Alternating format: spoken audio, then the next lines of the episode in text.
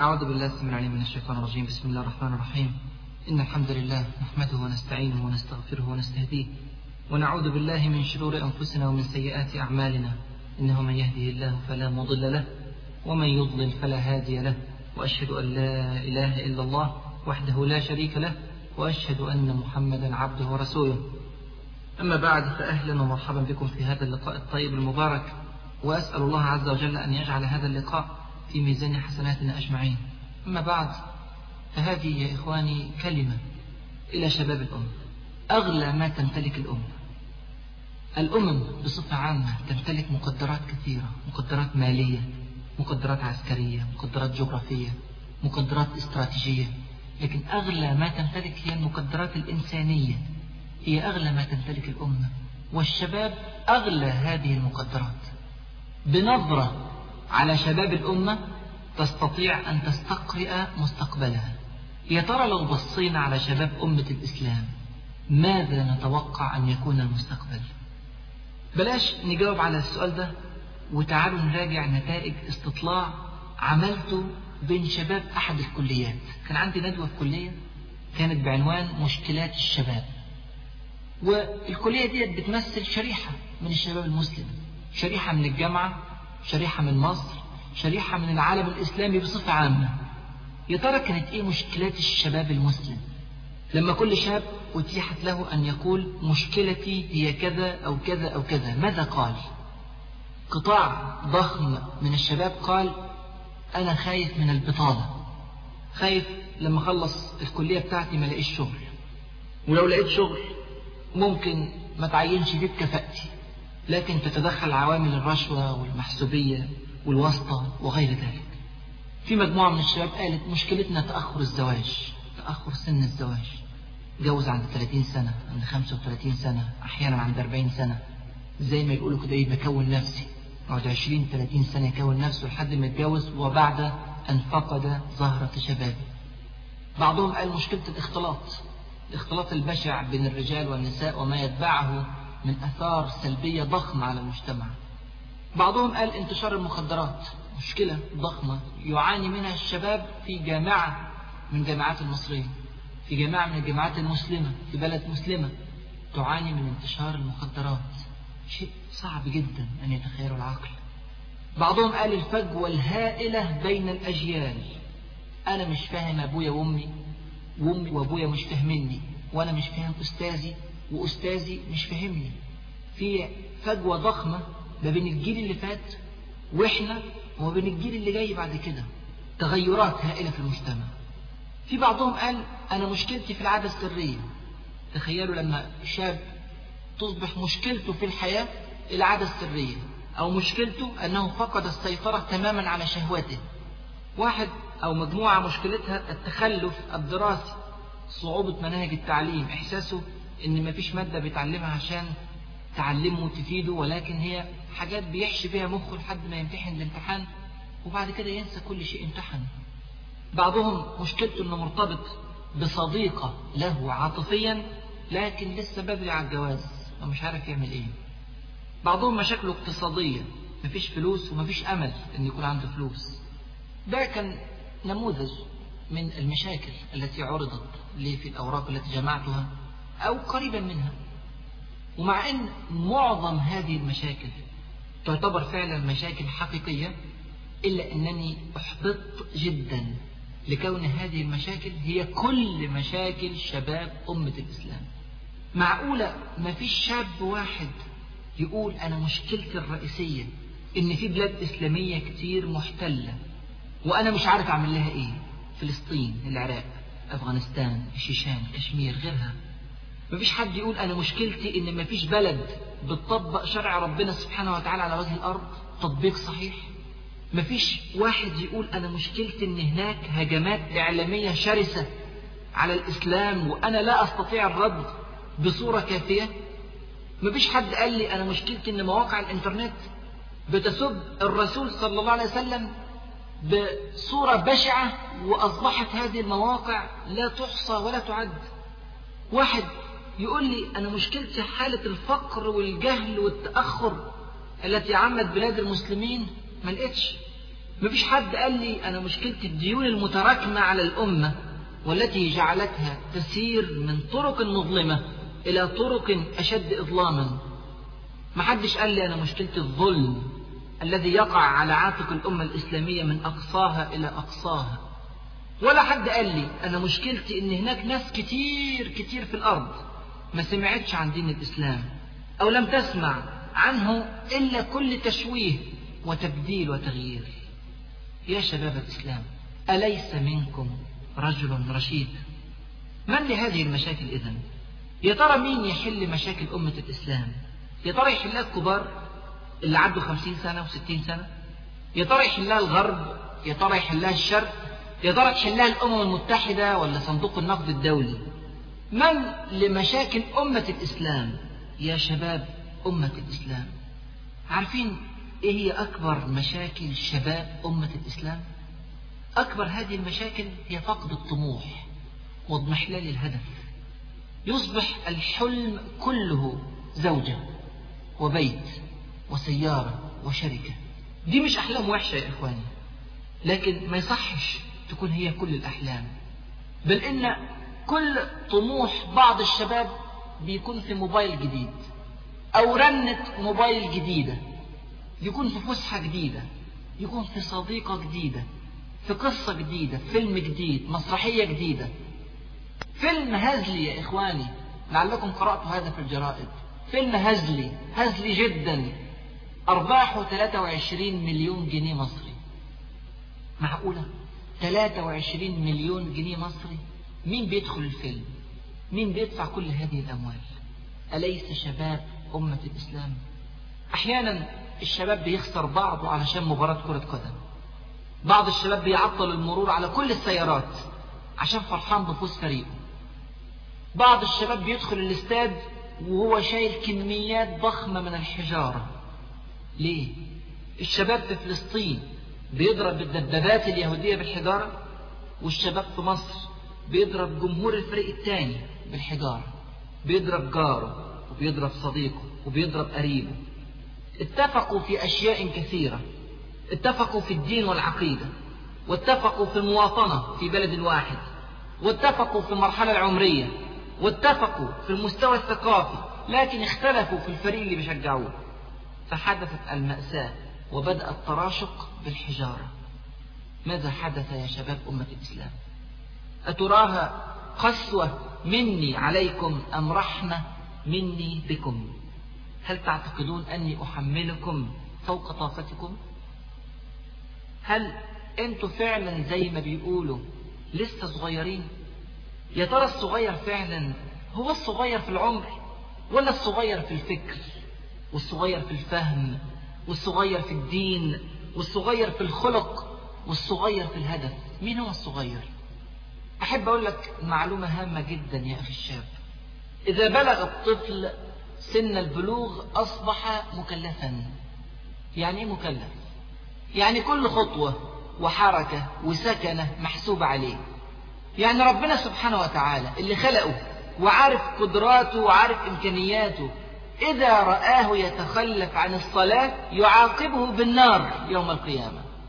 إذا رآه يشرب المخدرات عذبه يوم القيامة. إذا رآه ينتهك حرمة من حرمات الناس أو حرمة من حرمات الدين عذبه يوم القيامة. لقد أصبح الطفل رجلا مكلفا مسؤولا منذ بلغ. يعني من عمر 12 أو 13 أو 14 أو 15 سنة بالكثير. يعني بالكثير في الإعدادية. يبقى ما ينفعش تبقى هموم طالب الثانوي هي هموم الطفل. لا ده ما عادش طفل. لقد أصبح رجلا ما ينفعش طالب الجامعة يقضي كل فترته الجامعية في فسح وشلل وأغاني وحفلات وسينمات وتمشي على الكورنيش ومباريات كورة وفيديو جيم وبلياردو. لا وقتك هذا أنت مسؤول عنه وأنت محاسب عليه. من الحاجات اللي هتسأل عنها يوم القيامة كما وضح رسول الله صلى الله عليه وسلم عن شبابه فيما أبلاه. هذه الفترة العمرية بالذات ستسأل عنها سؤالا دقيقا لأن الله عز وجل أعطاك فيها عطاء جمع ما بيكون السؤال. وانت أعطيت في شبابك نعم ضخمة جدا. من صحة وقوة وفكر وعقل وإمكانيات ستسأل عن كل ذلك. وبعدين أنت ليه مش عارف إمكانياتك وطاقاتك. هو أنت فعلا صغير؟ لا يا أخي. الإسلام ينظر إليك نظرة مختلفة تماما عن نظرة عموم الناس لك. بل مختلفة تماما عن نظرتك أنت شخصيا لنفسك. الرسول صلى الله عليه وسلم عندما نزلت عليه الرسالة إلى من توجه بالدعوة؟ من الذي حملهم تبعة هذا الدين؟ من الذي ائتمنهم على حمل الإسلام؟ من الذي اعتمد عليهم في تغيير نظام الحياة في مكة كلية بل في تغيير نظام الحياة في الأرض كلها؟ ليس في زمانه فقط يا إخوان بل وإلى يوم القيامة. من هم السابقون السابقون؟ من هم الذين سيواجهون جبابرة مكة وطواغيت الأرض وسيواجهون بعد ذلك كسرى وكيصر من هم الذين سيسبحون ضد التيار في كل البقاع المشركة في الأرض؟ من؟ راجع السيرة يا أخي اقرأ التاريخ. الزبير بن العوام. كم سنة؟ 15 سنة. 15 سنة.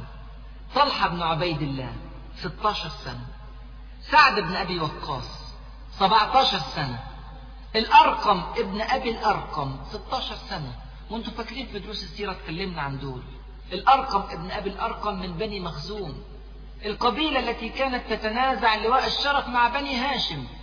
الأرقم ابن أبي الأرقم يجعل بيته مقرا لرسول الله صلى الله عليه وسلم. عارفين الرسول من بني هاشم.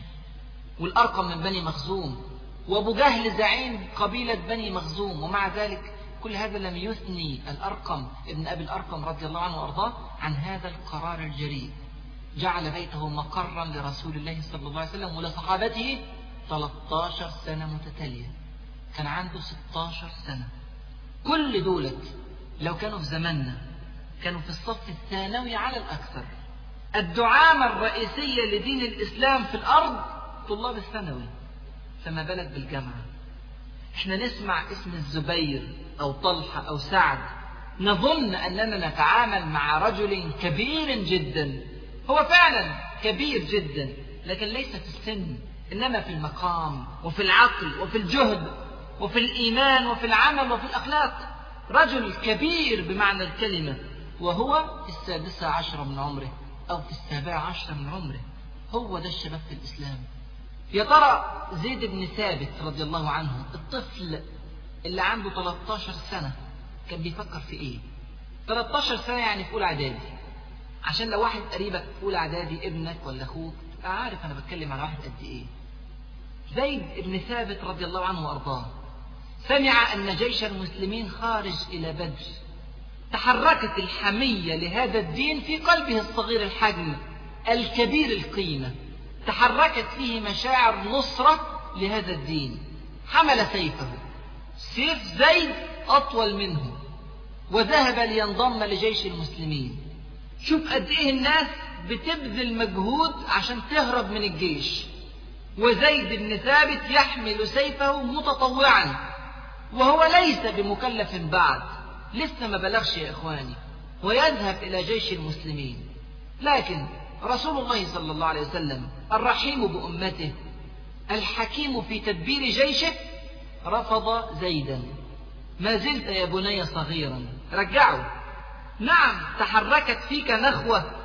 ما تحركت في قلوب كثير من الشباب والرجال لكنك ما زلت صغيرا. عاد الطفل زيد بن ثابت إلى بيته يبكي إلى أمه. يبكي. ليه؟ عشان رسول الله صلى الله عليه وسلم منعه من الجهاد. الأم المربية العاقلة الفاهمة لدينها قالت له لا تحزن تستطيع أن تخدم الإسلام بصورة أخرى. خدمة الإسلام يا إخواني هي المطمح خدمة الإسلام هي الهدف. قالت أنت تتقن الكتابة وتحفظ كثيرا من سور القرآن تقدر تخدم رسول الله صلى الله عليه وسلم في هذا المجال. ذهبت به إلى رسول الله صلى الله عليه وسلم فأصبح زيد كاتبا للوحي وتعلم اللغة العبرية واللغة السريانية وصار ترجمانا لرسول الله صلى الله عليه وسلم. يا إخواني ترجمان رسول الله صلى الله عليه وسلم عنده 13 سنة. ترجمان رسول الله صلى الله عليه وسلم في أولى إعدادي. عارفين قصة قتل فرعون هذه الأمة؟ أبو جهل عليه لعنة الله أعتى عتاة الإجرام في مكة وزعيم المشركين وقائد الجيش المكي في غزوة بدر تعالوا نسمع عبد الرحمن بن عوف رضي الله عنه وأرضاه وهو يحكي هذه القصة كما جاءت في البخاري وكما جاءت في سيرة ابن هشام. يقول عبد الرحمن بن عوف رضي الله عنه وأرضاه وركز كده معايا في الكلمات وافهم المعاني. يقول إني لفي الصف يوم بدر إذ التفت فإذا عن يميني وعن يساري فتيان حديث السن فكأني لم آمن بمكانهما. سيدنا عبد الرحمن بن عوف واقف وحواليه طفلين في موقعة بدر. على اليمين معاذ بن عمرو بن الجموح وعلى الشمال معوذ بن عفراء. واحد 13 سنة وواحد 14 سنة. يبدو أن أجسامهم كانت كبيرة. علشان كده الرسول صلى الله عليه وسلم قبلهما في الموقعة ولم يقبل زيدا كما تحدثنا منذ قليل. عبد الرحمن بن عوف رضي الله عنه وأرضاه يقول قال لي أحدهما سرا من صاحبه. معاذ بن عمرو بن الجموح يسأل عبد الرحمن بن عوف سؤالا لا يريد صاحبه أن يسمعه. ليه؟ يريد أن يسبق إلى خير ما. يا ترى هيعمل إيه؟ يا ترى هيعمل إيه هذا الغلام اللي عنده 14 سنة بالكثير قال يا عم أرني أبا جهل. فقلت يا ابن أخي فما تصنع به؟ أنت بتسأل على زعيم المشركين أكبر راجل في الجيش المشرك.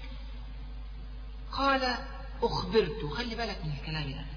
قال أخبرت أنه يسب رسول الله صلى الله عليه وسلم. يا نهار أبيض. أخبرت أنه يسب رسول الله صلى الله عليه وسلم كرثة عند معاذ بن عمرو بن الجموح أنه سمع أن رجلا مهما كان هذا الرجل إن كان أبو جهل نفسه مهما كان هذا الرجل سمع أنه يسب رسول الله صلى الله عليه وسلم. أصبحت هذه قضية معاذ بن عمرو بن الجموح. قال والذي نفسي بيده. الكلام لمعاذ يا إخواني اللي عنده 14 سنة اللي في ثانية إعدادي يعني في زماننا دلوقتي يقول والذي نفسي بيده. لئن رأيته لا يفارق سوادي سواده حتى يموت الأعجل منا. مش ممكن هسيبه. ظلي مش هيفارق ظله. لحد ما واحد فينا يموت. يا أنا يا هو. سبحان الله. حتى إن عبد الرحمن بن عوف نفسه يقول فتعجبت لذلك. قال عبد الرحمن رضي الله عنه وغمزني الآخر فقال لي مثلها. سبحان الله نفس الكلمات. وفي ذلك فليتنافس المتنافسون. واحد عنده 13 سنة واحد عنده 14 سنة يتنافسان سويا في قتل زعيم المشركين أبي جهل عليه لعنة الله. يقول عبد الرحمن بن عوف فلم أنشب أن نظرت إلى أبي جهل يجول في الناس فقلت ألا تريان هذا صاحبكما الذي تسألان عنه؟ أدي أبو جهل هتعملوا إيه؟ يقول معاذ بن عمرو بن الجموح. أنتقل إلى معاذ. معاذ نفسه بيحكي بيقول سمعت القوم القوم اللي هم القوم المشركين حوالين أبو جهل. سمعت القوم وأبو جهل في مثل الحرجة. الحرجة يعني الشجر الملتف. يعني أبو جهل جاي وحواليه غابة من السيقان وغابة من الرماح وغابة من السيوف تحمي أبا جهل. وهم يقولون أبو الحكم لا يخلص إليه. يعني خلوا بالكم قوي قوي قوي من أبي الحكم. كل القوة المشركة بتحمي هذا الرجل. زعيم مكة.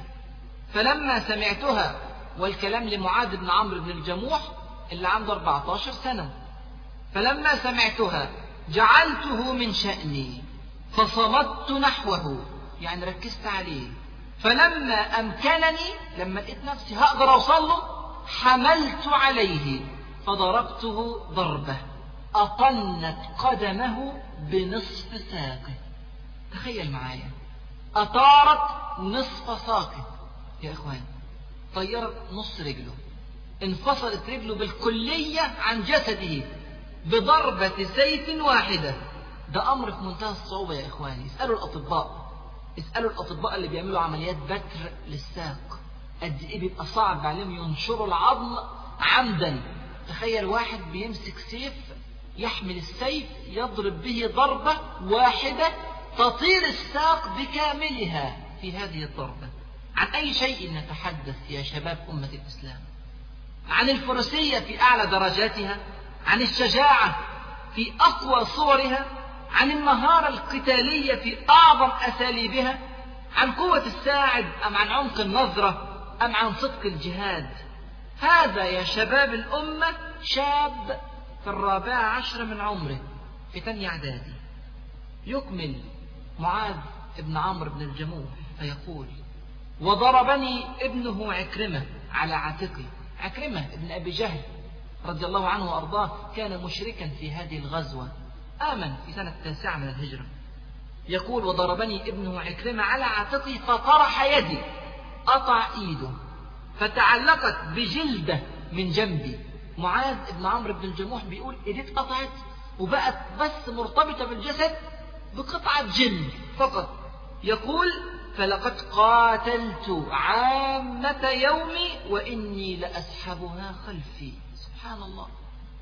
يعني بعد ما ضرب أبا جهل وخلاص حقق نصر ضخم جدا وإيديه قطعت لسه بيحارب في سبيل الله. الأطباء يفهموا هذا جيدا. الإنسان في أرض المعركة ما بيبقاش شاعر بالأمان لكن أنا بتكلم على الفكر اللي في دماغ هذا الشاب الصغير. لم يكتفي بقتل أو ضرب أبي جهل طموحه أكبر. لسه عايز يقاتل ناس تانية ويحارب ناس تانية. لسه عايز ينصر دين ربنا. حتى بعد ما ايديه قطعت. يقول فلما آذتني ايديه متعلقة وعمال سحبها وراه طول الموقعة طول غزوة بدر. فلما آذتني وضعت عليها قدمي ثم تمطيت بها عليها حتى طرحتها. قطعت حطيت رجلي على إيدي وقمت شادد جامد قمت فاصل دراعي بالجلد اللي كانت موجودة عن جسدي وقدرت بعد كده أقاتل حر. سبحان الله. ثم مر بي والكلام لمعاذ. ثم مر بي أبو جهل ومر به معوذ ابن عفراء. الطفل اللي كان بيتنافس معه على قتل أبي جهل فضربه حتى أثبته. ضربه وهو عقير. أبو جهل ماشي بيعرض لأن رجليه طارت. فجاء معوذ بن عفراء رضي الله عنه وأرضاه ورضي الله عن أمه وأبيه فجاءه وضربه ضربة فتركه كما يقول معاذ وبه رمق. حتى جاء عبد الله بن مسعود بعد ذلك وقضى عليه كما تعلمون. ثم يقول معاذ بن عمرو بن الجموح وقاتل معوذ معوذ بن عفراء في بدر حتى قتل حتى قتل في سبيل الله. يعني برضه معوذ بن عفراء لم يكتفي بضرب أبي جهل بل قاتل في بدر حتى استشهد. فبنتكلم يا شباب على ناس عندهم 13 و14 سنة. شفتوا الحمية لدين الله؟ شفتوا الغيرة على رسول الله صلى الله عليه وسلم شفتوا التنافس في نصرة الإسلام هو ده شباب الأمة. كلكم عارفين قصة أسامة بن زيد رضي الله عنهما. الشاب اللي عنده 18 سنة واختاروا الرسول صلى الله عليه وسلم لقيادة جيش عظيم جيش ضخم يذهب لقتال الرومان. كلكم عارفين القصة لكن فكر فيها تاني معايا.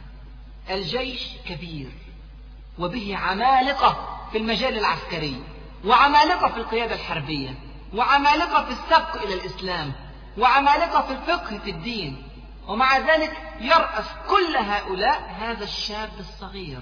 تخيل أن مهمة قيادة هذا الجيش الضخم قد أعطيت لطالب في الثانوية العامة وتحت قيادته كل ضباط الجيش بما فيهم العمداء واللواءات. تخيل هو ده الواقع. أسامة بن زيد 18 سنة يا دوبك ثانوي. تحت إمرته أبو بكر وعمر وكل الصحابة كل الأنصار كل المهاجرين. سبحان الله.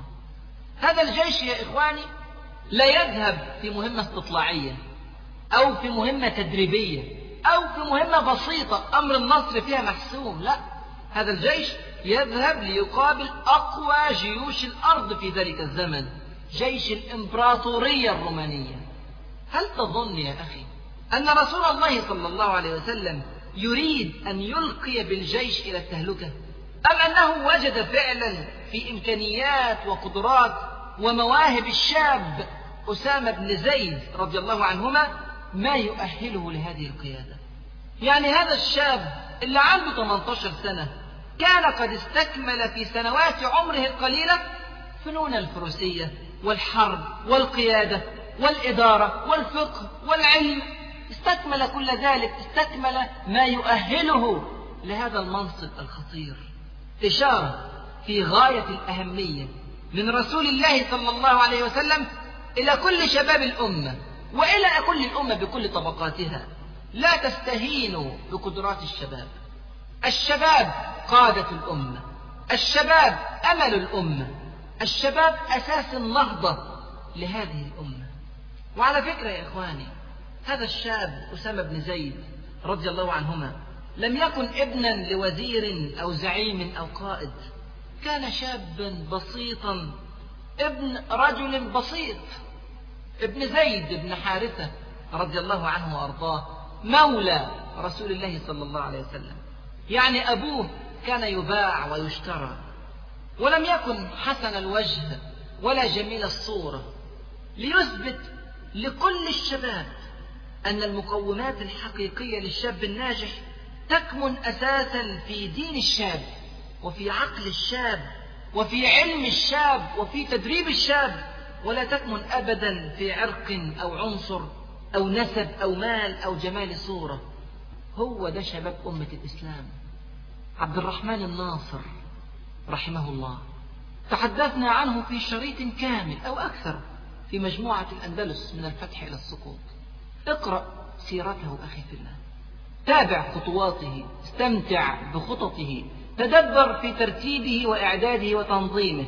استلم دولة مفككة مترهلة مشتتة تموج بالثورات والفتن. يطمع فيها أهل الأرض جميعا. وليس لها فيما يبدو للناس أمل في أن تقوم من جديد. فإذا به سبحان الله بصبر عجيب وثبات نادر وعزيمة وجهد وإخلاص يعيد ترتيب الأوراق من جديد في بلاد الأندلس. يعيد للعلماء هيبتهم. يعيد للجيش الإسلامي رهبته. يوحد الصفوف. يطهر البلاد من المشركين والمنافقين. يبني حضارة عظيمة جدا في الأندلس يتفوق في كل المجالات السياسية والعسكرية والاقتصادية والدينية والاجتماعية والمعمارية والترويحية كل المجالات. حتى أصبحت الأندلس في زمانه أقوى دولة بلا منازع على وجه الأرض. وجاء زعماء أوروبا جميعا ليطلبوا وده وليفوزوا برضاه. عبد الرحمن الناصر أقوى ملوك أوروبا في القرون الوسطى. عبد الرحمن الناصر رحمه الله استلم الحكم وهو يبلغ من العمر 21 أو 22 سنة فقط ثالثة أو رابعة جامعة. ليه الشاب في الجامعة وبعد الجامعة بيعتبر نفسه صغير على السياسة وصغير على الاقتصاد وصغير على المشاكل الاجتماعية وصغير على التغيير وصغير على الإصلاح؟ صغير على إنكار المنكر والأمر بالمعروف. يا أخي الشاب لقد مر ثلث عمرك أو نصف عمرك. هذا إن قدر لك أن تعيش إلى خمسين أو ستين أو سبعين سنة. حرام أن تمر السنوات من بين يديك وأنت ما زلت معلقا بلعبة أو فسحة أو صديقة أو قصة شعر أو موضة أو تلفزيون أو سهر على المقاهي وفي النوادي. أو رجوع للبيت قبل الفجر حرام. مين هيرجع لك الوقت ده تاني؟ الرسول صلى الله عليه وسلم بينبهك اغتنم خمسا قبل خمس ذكر منها شبابك قبل هرمك. الشباب مش هيرجع تاني إذا بلغت الشيخوخة أو الهرم. يا شباب لازم نقف وقفة دلوقتي. لازم نقف وقفة ونسأل. لماذا هذا التباين الرهيب بين ما عليه شباب أمة الإسلام الآن وبين ما ينبغي أن يكونوا عليه. من المؤكد أن الخطأ لم ينبع من الشباب وحدهم. لكن الخطأ خطأ مركب يا إخواني. منظومة كاملة حدث فيها نوع كبير من الاضطراب والخلل. حاجات كتير أحصي لكم منها في هذه المحاضرة أربعة. أولا غياب التربية الإسلامية الواعية. التربية أساسا يا إخواني بتكون في البيت والمدرسة. وغياب معنى مراقبة الله عز وجل سبب رئيس وراء انهيار مستوى الشباب. افتقاد قيمة الآخرة افتقاد الولاء لهذه العقيدة. إذا لم يكن البيت والمدرسة حريصين على ربط كل سلوكيات الأطفال والشباب بالدين والعقيدة فهناك خطورة كبيرة جدا على هوية شباب أمة الإسلام. والطامة الجديدة الكبرى هي إلغاء مادة الدين. شفنا الكلام ده دلوقتي بيحصل. استبدلت مادة الدين بمادة القيم والأخلاق وبذلك توجه كل الأخلاق إلى عموميات لا ترتبط بالله عز وجل ولا بالآخرة. كن صادقا لأن الصدق شيء جميل. آه هذا معنى ولكن أعظم منه كن صادقا لأن الصدق يهدي إلى البر والبر يهدي إلى الجنة. اكفل يتيما لأن المجتمع يجب أن يتعاون. آه هذا جميل. ولكن أجمل منه اكفل يتيما لأن أنا والكلام لرسول الله صلى الله عليه وسلم وكافل اليتيم كهاتين وأشار بالسبابة والوسطى وهكذا. في كل القيم والأخلاق. إن لم ترتبط بالآخرة وبرضا الله عز وجل فسيحدث لها مثل ما يحدث في كل المناهج العلمانية. إذا اختفى الرقيب ضاعت الأخلاق. ما أسهل الزنا يا إخواني في أمريكا؟ ما أسهل القتل في أمريكا؟ ما أسهل شرب الخمر في أمريكا؟ ما أسهل قتل الشعوب وسفك الدماء ونهب الثروات في أمريكا؟ أهذا ما تريدونه للشباب أم من الأفضل أن يرتبط بمن يغير ولا يتغير سبحانه وتعالى؟ وأن يرتبط بالنعيم الذي لا يزول أبدا بدلا من أن يكون أقصى أحلامه أن يستمتع سنوات معدودات ثم يموت ويفنى. غياب التربية الإسلامية الواعية في البيت والمدرسة من أهم وسائل تحطيم شباب أمة الإسلام. الحاجة الثانية غياب القدوة الصالحة. ليس هناك تربية بغير قدوة. قاعدة. ليس هناك تربية بغير قدوة. كيف يمكن للأب أن يأمر أولاده بعدم شرب السجائر والسيجارة لا تفارق يده أو بحسن معاملة الجار وهو في شجار دائم معه أو بحفظ اللسان وهو يتناول كل قادة السيارات حوله بالسباب والشتائم كيف؟ كيف يمكن للمدرس في المدرسة أن يزرع في الشباب الرحمة وعدم التركيز على المادة وهو يهمل في التدريس في حصة المدرسة ليستنزف أموالهم بعد ذلك في الدروس الخصوصية. أو كيف يربيهم على الحرص على المال العام والأمانة في العمل وهو يزوغ من حصص المدرسة. كيف يمكن لنظام الأمن في البلاد الإسلامية أن يأمر الشباب بعدم العنف وعدم الإرهاب بينما هو يتعامل بكل قسوة وكل عنف وكل إرهاب مع عموم الشعب؟ غياب القدوة يا إخواني أمر خطير. من هم قدوة الشباب؟ من هم قدوة شباب أمة الإسلام؟ أتراه فنانا ماجنا أقرب إلى النساء منه إلى الرجال؟ أتراه لاعبا أنفق زهرة شبابه في اللعب؟ أتراه مليونيرا سرق أموال البلاد والعباد؟ أتراه مرتشيا تسلق على أكتاف الشعب إلى أعلى الدرجات؟ أتراه زعيما مركزيا أو قائدا ملحدا أو أديبا فاسقا؟ أتراه شيوعيا أم يهوديا أم هندوسيا أم بغير ملة؟ أتراه واحدا من هؤلاء أم هو رسول الله صلى الله عليه وسلم؟ كم من شباب أمة الإسلام الآن يضع رسول الله صلى الله عليه وسلم قدوة كاملة له؟ كم من الشباب يقتدي بالزبير وطلحة وسعد والأرقم وزيد. كم منهم يقتدي بأسامة ومعاذ بن عمرو بن الجموح؟ كم منهم يضع نصب عينيه حياة محمد الفاتح أو محمد القاسم أو صلاح الدين أو عبد الرحمن الناصر رحمهم الله جميعا. يا شباب الأمة أفيقوا أفيقوا خلف من تسيرون؟ وإلى أي غاية تريدون الوصول؟ القدوة يا شباب أمة الإسلام. يبقى في مشكلتين كبار لحد دلوقتي. مشكلة غياب التربية الإسلامية الواعية ومشكلة غياب القدوة الصالحة. الحاجة الثالثة الإحباط الذي انتاب الشباب نتيجة التردي في حالة الأمة الإسلامية في النواحي السياسية والعسكرية والاقتصادية والعلمية بل والأخلاقية. الشاب يشعر أنه لا فائدة لا أمل.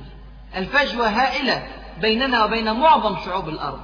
هائلة بيننا وبين أمريكا بيننا وبين أوروبا بيننا وبين الصين بيننا وبين اليابان بيننا وبين الهند بيننا وبين كوريا الشمالية حتى كوريا الشمالية.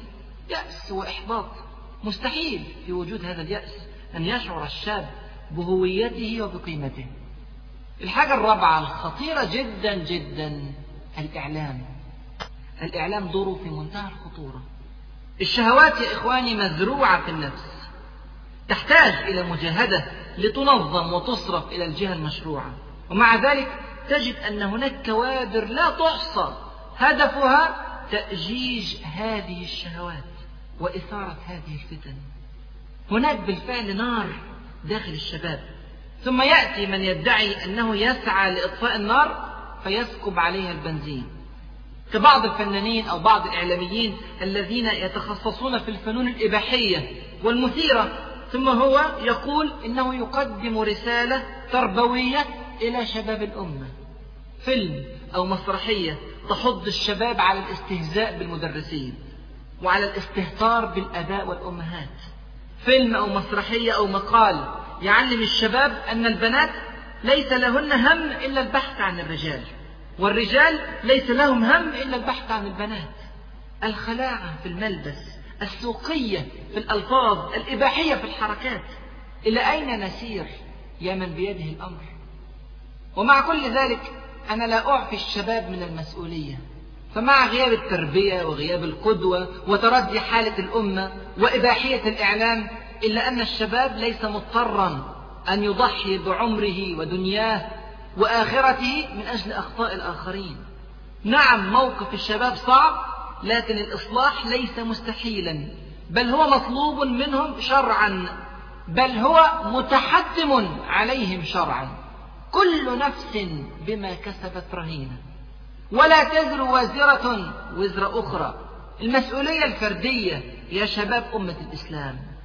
الحساب يوم القيامة فردي تماما. ولقد جئتمونا فرادا كما خلقناكم أول مرة. عشان كده أنا عايز الشباب يسمعوا مني الكلام اللي جاي ده بإنصات وبإخلاص وبصدق. تعالوا نقف وقفة صادقة مع النفس. تعالوا نسأل نفسنا أسئلة مهمة ونجاوب عليها بيننا وبين نفسنا. أخي الشاب أسألك سؤالا غريبا جدا. هل تؤمن بالله؟ هل تؤمن حقيقة بالله؟ إن كانت الإجابة لا فالقصة انتهت هنا. وإن كانت الإجابة نعم وإن شاء الله هي نعم فهل تؤمن أنه مطلع عليك ومراقب لك؟ هل تؤمن بطلاقة سمعه وبصره؟ هل تؤمن بعدله؟ وأنه لا بد أن يجازي المحسن على إحسانه والمسيء على إساءته؟ هل تؤمن بحكمته؟ إن كنت تؤمن بحكمته فلا بد أنك تعرف لماذا خلقك أفحسبتم أنما خلقناكم عبثا وأنكم إلينا لا ترجعون؟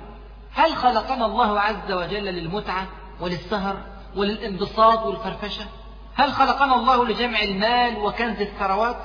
هل خلقنا الله للصراع والتشاحن والتقاتل؟ هل خلقنا الله دون غاية؟ اسمع إلى كلام الله عز وجل وما خلقت الجن والإنس إلا ليعبدون. أنا عارف إنك عارف الآية. أنا عارف إنك سمعتها كتير لكن يا ترى تعرف يعني إيه عبادة؟ أوعى تكون فاكر إن العبادة هي الصلاة والصوم والزكاة والحج وبس. هذا جزء من العبادة. العبادة هي قول الله عز وجل قل إن صلاتي ونسكي ومحياي ومماتي لله رب العالمين. كل شيء في حياتك لله عز وجل. صلاتك وصيامك لله عز وجل عملك لله عز وجل مالك لله عز وجل علاقاتك لله عز وجل سلطاتك لله عز وجل شبابك وهرمك لله عز وجل صحتك وعافيتك لله عز وجل كل ذرة في حياتك وكل لحظة في عمرك لله عز وجل حتى الموت. يكون في سبيل الله عز وجل. هو ده مفهوم العبادة. ألا لله الخلق والأمر. حياة كاملة منذ التكليف وإلى الممات لله عز وجل. يا ترى يا شباب أمة الإسلام بتعبدوا ربنا بهذه الصورة؟ يا ترى يا شباب أمة الإسلام هتعيشوا قد إيه؟ أنت ضامن تعيش عشر سنين كمان قدام؟ ضامن تعيش سنة واحدة قدام؟ ضامن تعيش دقيقة واحدة من دلوقتي؟ كم شاب في السنة السابقة انتهت أعمارهم وأغلقت صفحات حياتهم وأصبحوا في باطن الأرض بدلا من ظهرها؟ كم شاب؟ كتير يا إخواني كتير. وإذا كان الموت يأتي بغتة ولكل أمة أجل. إذا كان ذلك أليس من الحكمة ألا نضيع وقتا ولا جهدا ولا فكرا؟ في أشياء تزول ونترك الذي يبقى وحتى إن لم تمت. أليست الأيام والشهور والسنوات الضائعة خسارة؟ أليست خسارة أن تأتي يوم القيامة فتجد أن عشرين أو ثلاثين أو أربعين سنة من عمرك ملهمش وزن؟ أو في ميزان السيئات؟ يا شباب أمة الإسلام استجيبوا لربكم من قبل أن يأتي يوم لا مرد له من الله. ما لكم من ملجأ يومئذ وما لكم من نكير. طيب نعمل إيه؟ إحنا شباب عايزين نرجع لديننا. إحنا شباب عايزين ننصر أمتنا. إحنا شباب عايزين نرضي ربنا. نعمل إيه؟ إليكم مني عشرة أمور. أمور معينات على وضع أقدامنا على الطريق إن شاء الله. أنا عارف إن أنا طولت عليكم. لذلك سأوجز هذه الأمور مع العلم إن كل واحد من دولت محتاج محاضرة مستقلة. وإن شاء الله أسأل الله عز وجل أن يجمع بيني وبينكم على الخير دائما. وأعلم أخي الشاب قبل أن تستمع إلى هذه الأمور أنك فرد في أمة. فإن صلح حالك يوشك حال الأمة أن ينصلح إن شاء الله. الأمر الأول أقلع عن المعصية. ترك المعاصي يا أخي مقدم على فعل فضائل الأعمال. روى البخاري ومسلم عن أبي هريرة رضي الله عنه وأرضاه أن رسول الله صلى الله عليه وسلم قال ما نهيتكم عنه فاجتنبوه وما أمرتكم به فأتوا منه ما استطعتم. على قد ما تقدر لكن النواهي ما تقربش منها. لا يستقيم لمن ينصر الأمة أن يظل على معصية. لا تعملوا بمعاصي الله وأنتم في سبيل الله وأشد المعاصي خطورة ما كنت مواظبا عليه.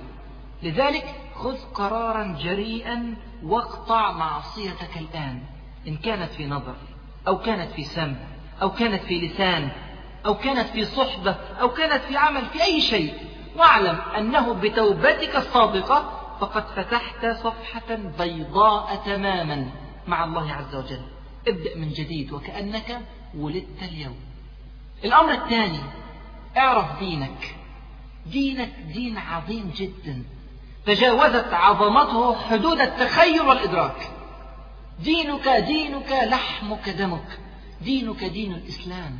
لا يأتيه الباطل من بين يديه ولا من خلفه. دينك ليس فيه ثغرات. والله يا أخي ليس فيه ثغرات. دينك دين محكم بديع. مر وقت طويل طويل ما عرفتش فيه عن إيه دين الإسلام. محتاج تعرف عقيدة وفقه وأخلاق ومعاملات. محتاج تعرف سيرة رسولك وحبيبك محمد صلى الله عليه وسلم. محتاج تعرف حياة الأصحاب رضي الله عنهم أجمعين. محتاج تقرأ تاريخ المسلمين الطويل من مصادر غير مشوهة تاريخ المسلمين العظيم. 1400 سنة فيهم تاريخ مجيد طويل محتاج تعرفه. محتاج وقت كبير جدا تصرفه علشان تعرف ربك ورسولك ودينك. هتحتاج قراءة وهتحتاج دروس علم. وهتحتاج مناقشات ومحاورات وأسئلة. محتاج تصرف وقت كبير علشان توصل. الأمر الثالث ارتبط بالمسجد. المسجد بيت الله في الأرض. عمار المساجد زوار لله عز وجل. ألا تحب أن تزور خالق السماوات والأرض خمس مرات كل يوم؟ خمس مرات تقدر تزور ملك الملوك سبحانه وتعالى. ألا تحب أن تعرض عليه مشاكلك وتطلب منه حاجتك؟ أنا عايزك في المسجد خمس مرات في اليوم على الأقل غير دروس العلم. خمس صلوات ما تكتبش في اليوم. في المسجد وهتشوف قد إيه حالك هيتغير. هي دي حياة شباب الإسلام. الأمر الرابع كن متفوقا. الطالب المسلم الذي يريد أن يغير من حال أمته لابد أن يكون متفوقا في تخصصه. إحنا مش عايزين مجرد طبيب أو مجرد مهندس أو مجرد مدرس لا. إحنا عايزين طبيب عالم ومهندس مخترع ومدرس نابغ في علوم التربية. محتاجين التخصص الزمن زمن تخصص. مفيش حد بيعرف كل حاجة دلوقتي العلوم كترت. وليس هناك مكان للكسالى. مذاكرتك من أجل رفعة أمتك حسنات لا تحصى. في ميزانك يوم القيامة إن شاء الله. الأمر الخامس صل رحمك. الشباب المسلم الذي يريد أن يرفع من شأن أمته لابد أن يكون واصلا لرحمه. ومن لم يكن فيه خير لرحمه ولأقاربه فليس فيه خير للناس ولا للمجتمع. وأعظم أرحامك والداك. لا تخرج كلمة أف من فمك أو نظرة غضب من عينك أو إشارة اعتراض من يدك. هذه الأمور لا تخرج من شاب مسلم. وبقية أرحامك من إخوان وأعمام وأخوال وغيرهم لهم حقوق عليك يا أخي. فأعطي كل ذي حق حقه. الأمر السادس اختر أصحابك. المرء على دين خليله. فلينظر أحدكم من يخالل ارتبط بمن إذا رأيته ذكرك بالله عز وجل. لا تسر بمفردك في حياتك.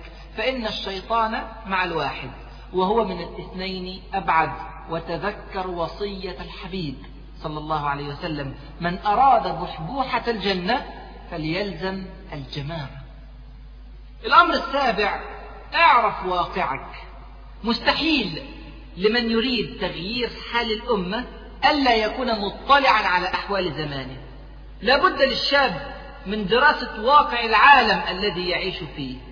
واقع القطر الذي يسكن فيه واقع العالم الإسلامي واقع العالم بصفة عامة.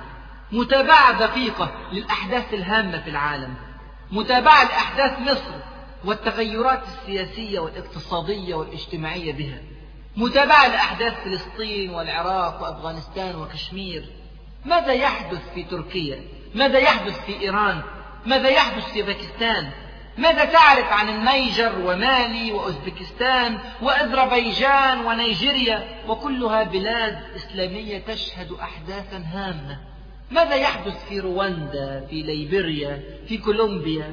وأهم من ذلك ماذا يحدث في أمريكا في إنجلترا في فرنسا في روسيا؟ ماذا يخطط اليهود؟ تحتاج أن تقرأ الجرائد كل يوم. وبلاش ربنا يكرمك صفحة أو صفحات الرياضة. وصفحات الفن. خلينا نعيش حياة جادة قيمة. تابع الأخبار. وافتح الساتلايت والدش على قنوات الأخبار. وسيبك من قنوات الأفلام والأغاني. مفيش وقت يا أخي المسلم. الأمر الثامن كن رياضيا. وده ما فيهاش تعارض مع النقطة اللي فاتت. مش معنى ان بقول لك ما تقراش أربع أو خمس صفحات رياضة كل يوم. ان أنا مش عايزك تبقى رياضي. فرق كبير جدا بين حريف قراءة صفحات الرياضة وبين اللي بيمارس الرياضة وبيتقن رياضة ويتفوق فيها. من أهم صفات الشباب قوة الجسد وسلامة الصحة ومتانة البنيان. الأمة تحتاج إلى جسدك كما تحتاج إلى عقلك وفكرك. الجهاد لا يكون إلا بجسد قوي. ضربة معاذ بن عمرو بن الجموح بالسيف لأبي جهل لا تأتي إلا من ذراع رياضي. وعليك يا أخي بالرياضة المفيدة التي تعود عليك وعلى أمتك بالنفع السباحة الرماية ألعاب الدفاع عن النفس ألعاب القوى رفع الأثقال الفروسية أو غيرها. وركز في نوع الرياضة التي تحبها علشان تبدع في هذه الرياضة. ولا تنفق فيها وقتا طويلا لأن الرياضة جزء من حياتك مش كل حياتك يا أخي. وهي وسيلة في النهاية وليست غاية. الأمر التاسع أدع غيرك. إذا أحسست بحلاوة هذا الدين وإذا آمنت بعظم المسؤولية الملقاة على عاتقك فلا تنسى إخوانك الذين كانوا معك قبل أن تعرف هذا الطريق. شلتك القديمة يا أخي. ادعو غيرك إلى حلاوة هذا الدين. ادعو غيرك إلى الحياة الجادة التي عرفتها. ادعو غيرك ولك مثل أجره. لا ينقص ذلك من أجورهم شيئا. تخيل نفسك بتاخد حسناتك على كل عمل خير يعمله صاحبك. شيء مهول. علشان كده ربنا سبحانه وتعالى بيقول ومن أحسن قولا ممن دعا إلى الله وعمل صالحا وقال إنني من المسلمين. الأمر العاشر والأخير في هذه المحاضرة وليس الآخر لأن أمور الخير لا تنتهي يا إخواني. الأمر العاشر نظم وقتك. إذا كنت تريد فعل كل هذا الخير بدون خطة وبدون نظام فمن المؤكد أنك لن تستطيع. إذا أحسست بقيمة ما سبق فلا بد أن تضع خطة محكمة لتنفيذ كل هذه النصائح. للمسجد وقت وللمذاكرة وقت وللقراءة في الإسلام وقت وللقراءة الحرة وقت ولمعرفة الأخبار وقت ولصلة الرحم وقت وللرياضة وقت وللترفيه الحلال وقت. لازم تعرف أنت هتعمل إيه الساعة اللي جاية. واليوم اللي جاي والأسبوع اللي جاي والشهر اللي جاي والسنة اللي جاية. لازم تعرف أنت هتعمل إيه في حياتك اللي جاية. وقتك هو أغلى شيء بتملكه. فلا تضيعه هباء منثورا. رأس مالك هو عمرك. ويوشك إذا ذهب بعض عمرك أن يذهب الكل. فكن على حذر ولا تضيع رأس مالك. كان هذا هو الأمر العاشر والأخير في هذه المحاضرة. فتلك عشرة كاملة. نراجعهم كده مع بعض بسرعة. واحد أقلع عن المعصية. اثنين اعرف دينك. ثلاثة ارتبط بالمسجد. أربعة كن متفوقا. خمسة صل رحمك. ستة اختر أصحابك. سبعة اعرف واقعك. ثمانية كن رياضيا. تسعة ادعو غيرك. عشرة نظم وقتك. كده تبقى شاب مسلم متكامل. كده إن شاء الله ينصلح حال أمة الإسلام. وكلمة أخيرة أختم بها يا أخي كلمة في أذنك. أنا على يقين أن كثيرا من الشيوخ كانوا يريدون أن يسمعوا هذا الكلام منذ عشرين أو ثلاثين سنة. ولكن فات الوقت. أما أنت فقد سمعته الآن. فاعمل به قبل أن يأتي زمان تسأل الله فيه أن يعيد الأيام. وقد مضت سنة الله عز وجل. أن ما مضى لا يمكن أن يعود. حتى إذا جاء أحدهم الموت. قال رب ارجعون لعلي أعمل صالحا فيما تركت. كلا إنها كلمة هو قائلها. ومن ورائهم برزخ إلى يوم يبعثون فستذكرون ما أقول لكم. وأفوض أمري إلى الله. إن الله بصير بالعباد وجزاكم الله خيرا كثيرا. والسلام عليكم ورحمة الله وبركاته.